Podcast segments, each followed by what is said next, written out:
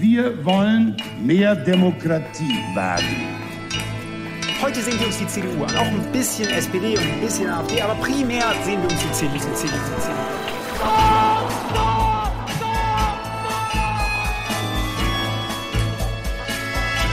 Niemand hat die Absicht, eine Mauer zu errichten. Ich weiß, ich habe heute Morgen in den Spiegel geguckt und dachte, wer ist denn die Hotte Bitch? Werden schon in wenigen Jahren blühende Landschaften, blühende Landschaften geworden sein. Früher waren wir Lametta. Wir haben so vieles geschafft, wir schaffen das. Herzlich velkommen til Tyskerne spesialportrett med Ingrid Brekke. og Kai Schwind. I dag skal vi se nærmere på en kvinne som regnes som Tysklands mest kjente feminist, nemlig Alice Schwarze. Om hun som 78 år gammel kvinne fortsatt er den mest relevante feministiske stemme i den tyske offentligheten, det kan vi jo komme tilbake til, men hun er uten tvil pioneren av den moderne, politiserte feminismen i Tyskland.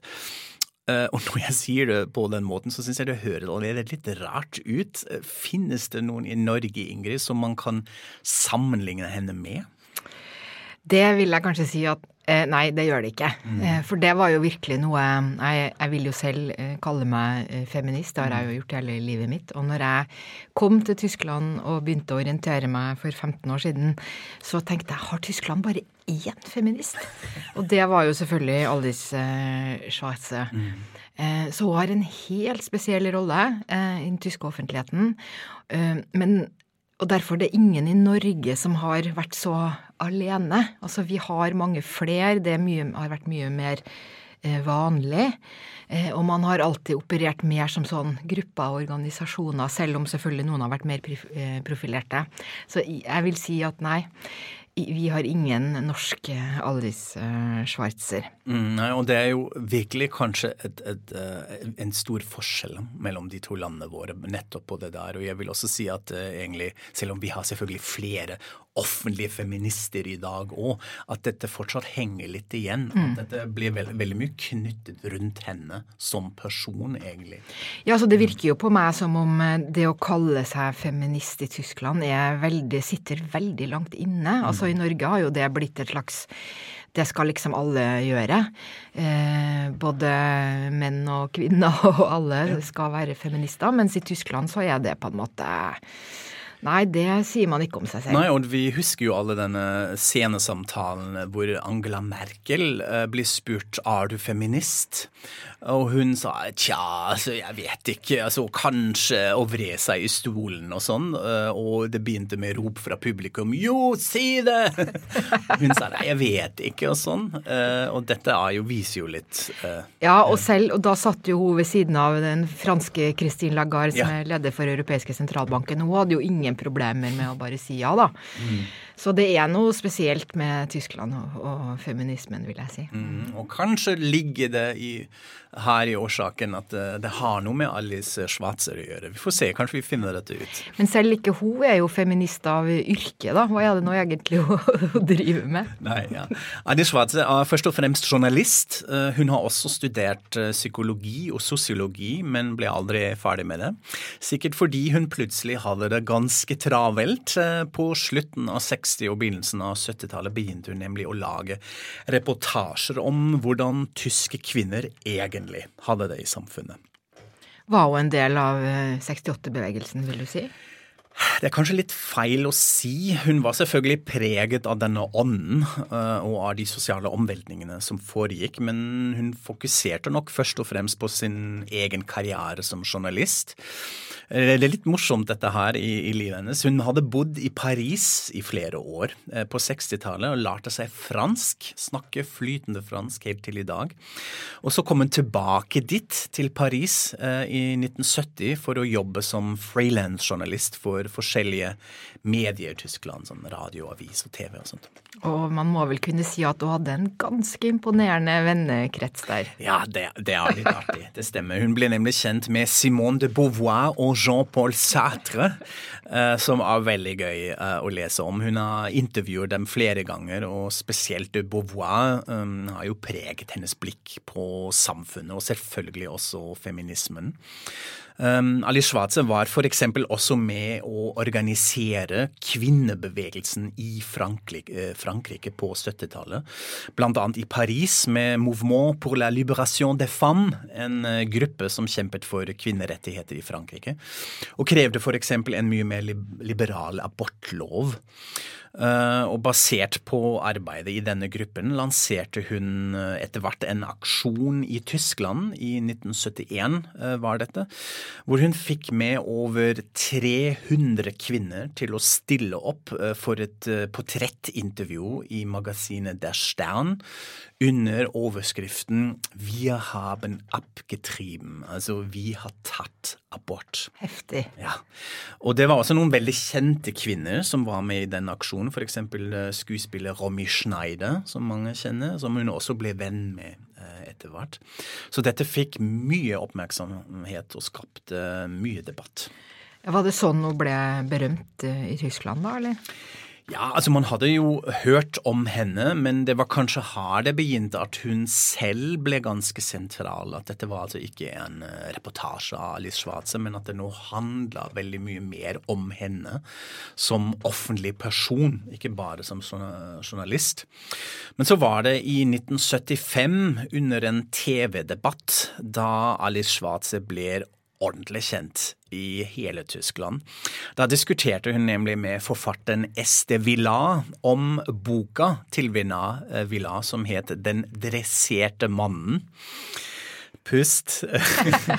Hvor hypotesen til Villar altså var at det ikke er kvinnen som har undertrykket, men mannen som har undertrykket av kvinnen.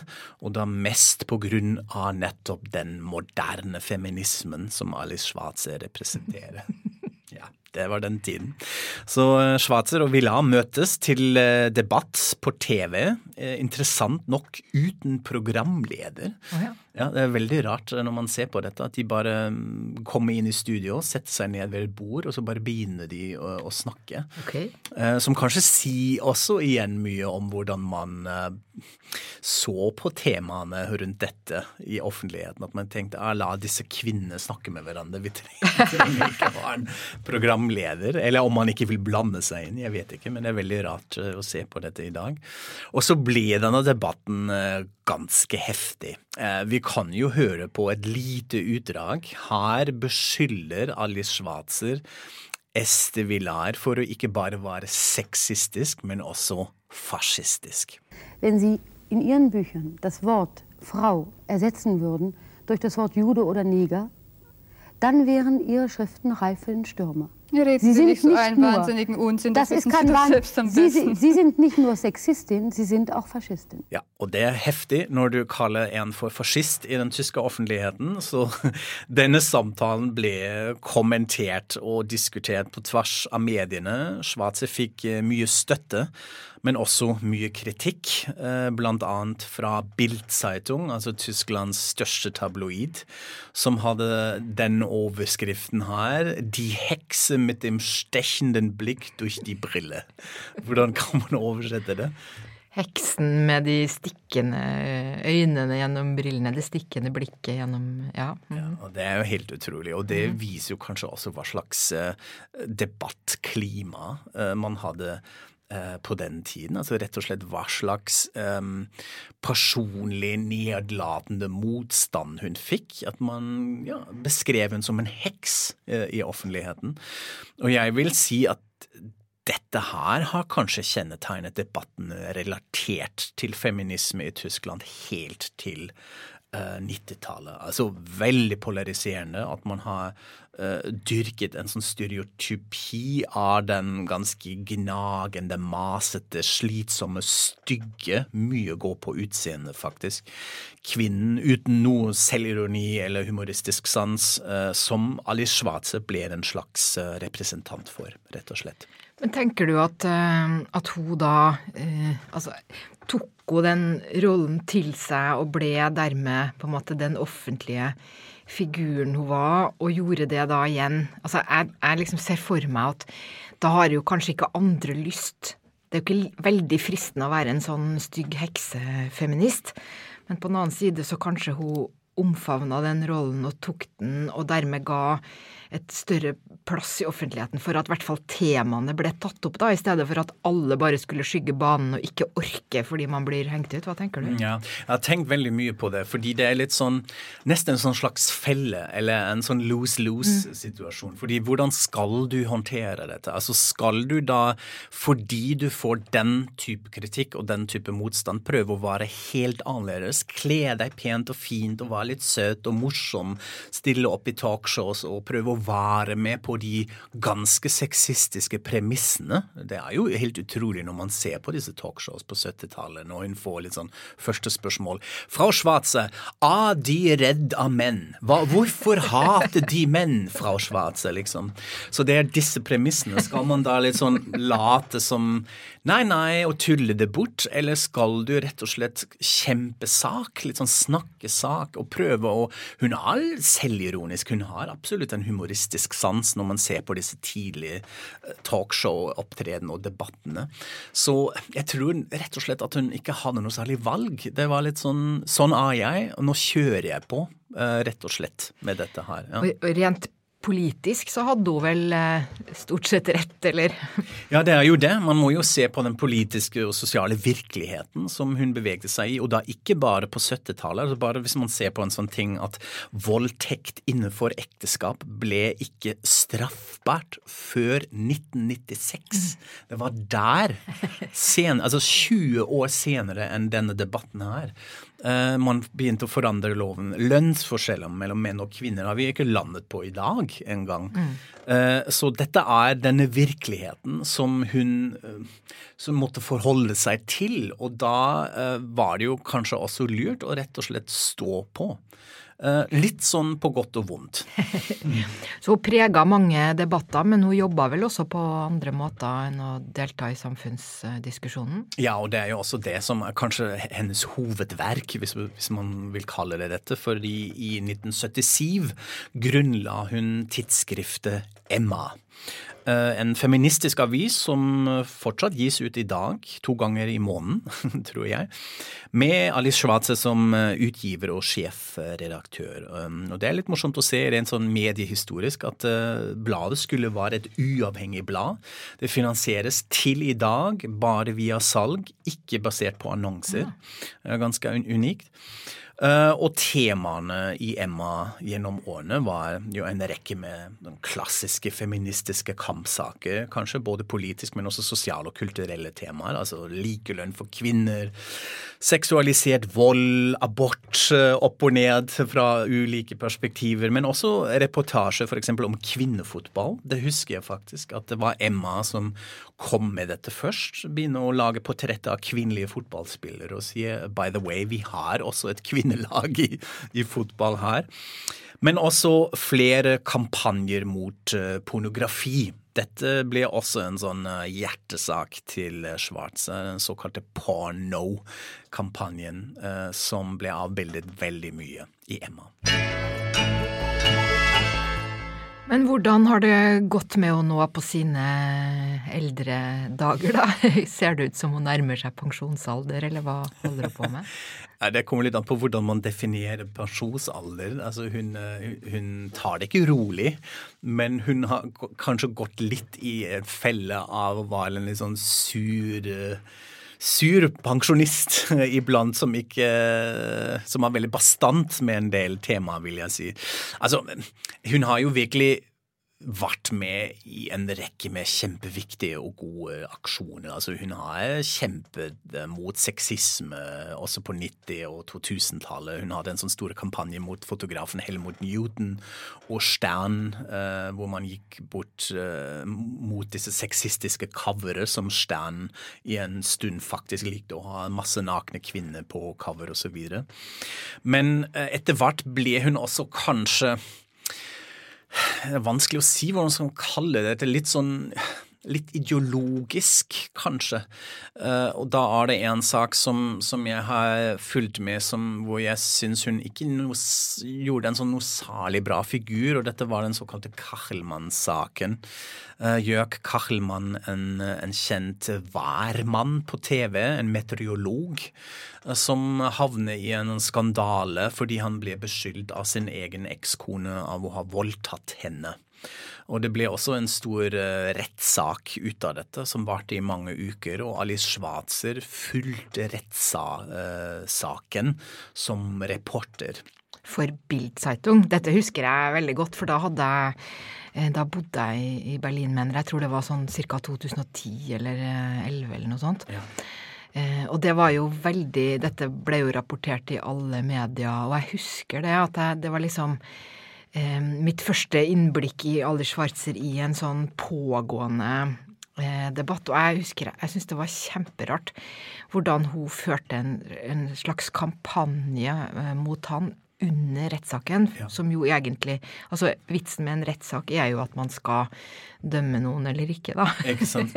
Nei, hun hadde tydeligvis bestemt seg på forhånd, eh, og forhåndsdømte han på en måte. Og dette har jo preget også denne journalistikken hennes. Eh, at man, at man rett og slett ikke orka å lese dette mer, fordi hun, hun, var veldig tydelig hva hun mente. Og så er det jo rart at hun var for Bildzeitung også, ja. som jo er en avis som hun har eh, både argumentert mye imot, og som jo var kjent for De har vel kanskje ikke disse nakne nakne damene lenger nå, men det er ikke lenge siden de slutta ja, med det. det er det.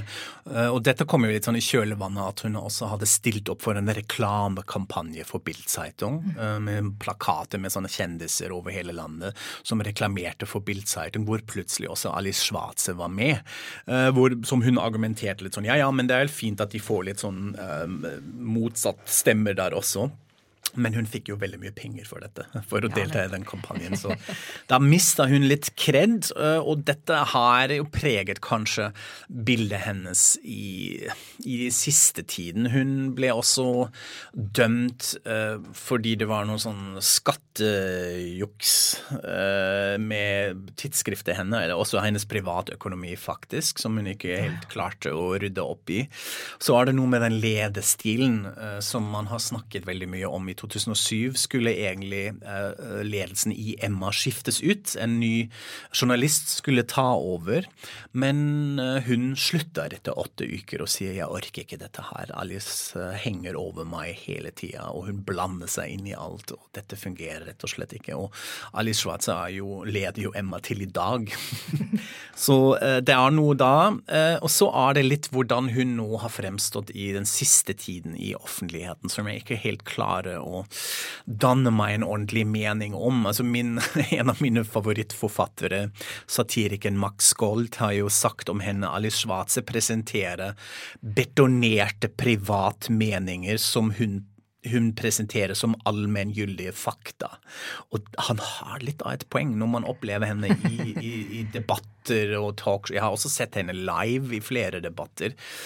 Da kjører hun på, og da er det veldig tydelig hva hun mener, og jeg får ofte inntrykk av at at hun egentlig ikke helt lytter.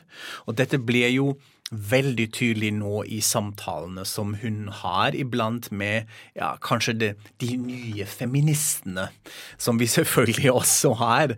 Uh, unge kvinner, unge journalister, unge forfattere som kommer frem. Uh, personer som Margarete Stokowski eller Charlotte Roach, og kanskje enda mer kjent en, en forfatter som har gått litt i klinsj med Alice Schwarzer om, om, ulike temaer. Og da handler det jo uh, ofte om litt sånn pro-prostitusjon-posisjon organisasjoner. Ali Schwarz er fullstendig imot sexarbeid, mens eh, mange av de unge eh, feministene, hvis vi vil kalle det, mener at dette er et litt mer nyansert bilde vi, vi må ha, eh, ha, rundt dette. Eller også sånn pro hijab og nikab, som hun mener hun, hun, er litt sånn kategorisk imot.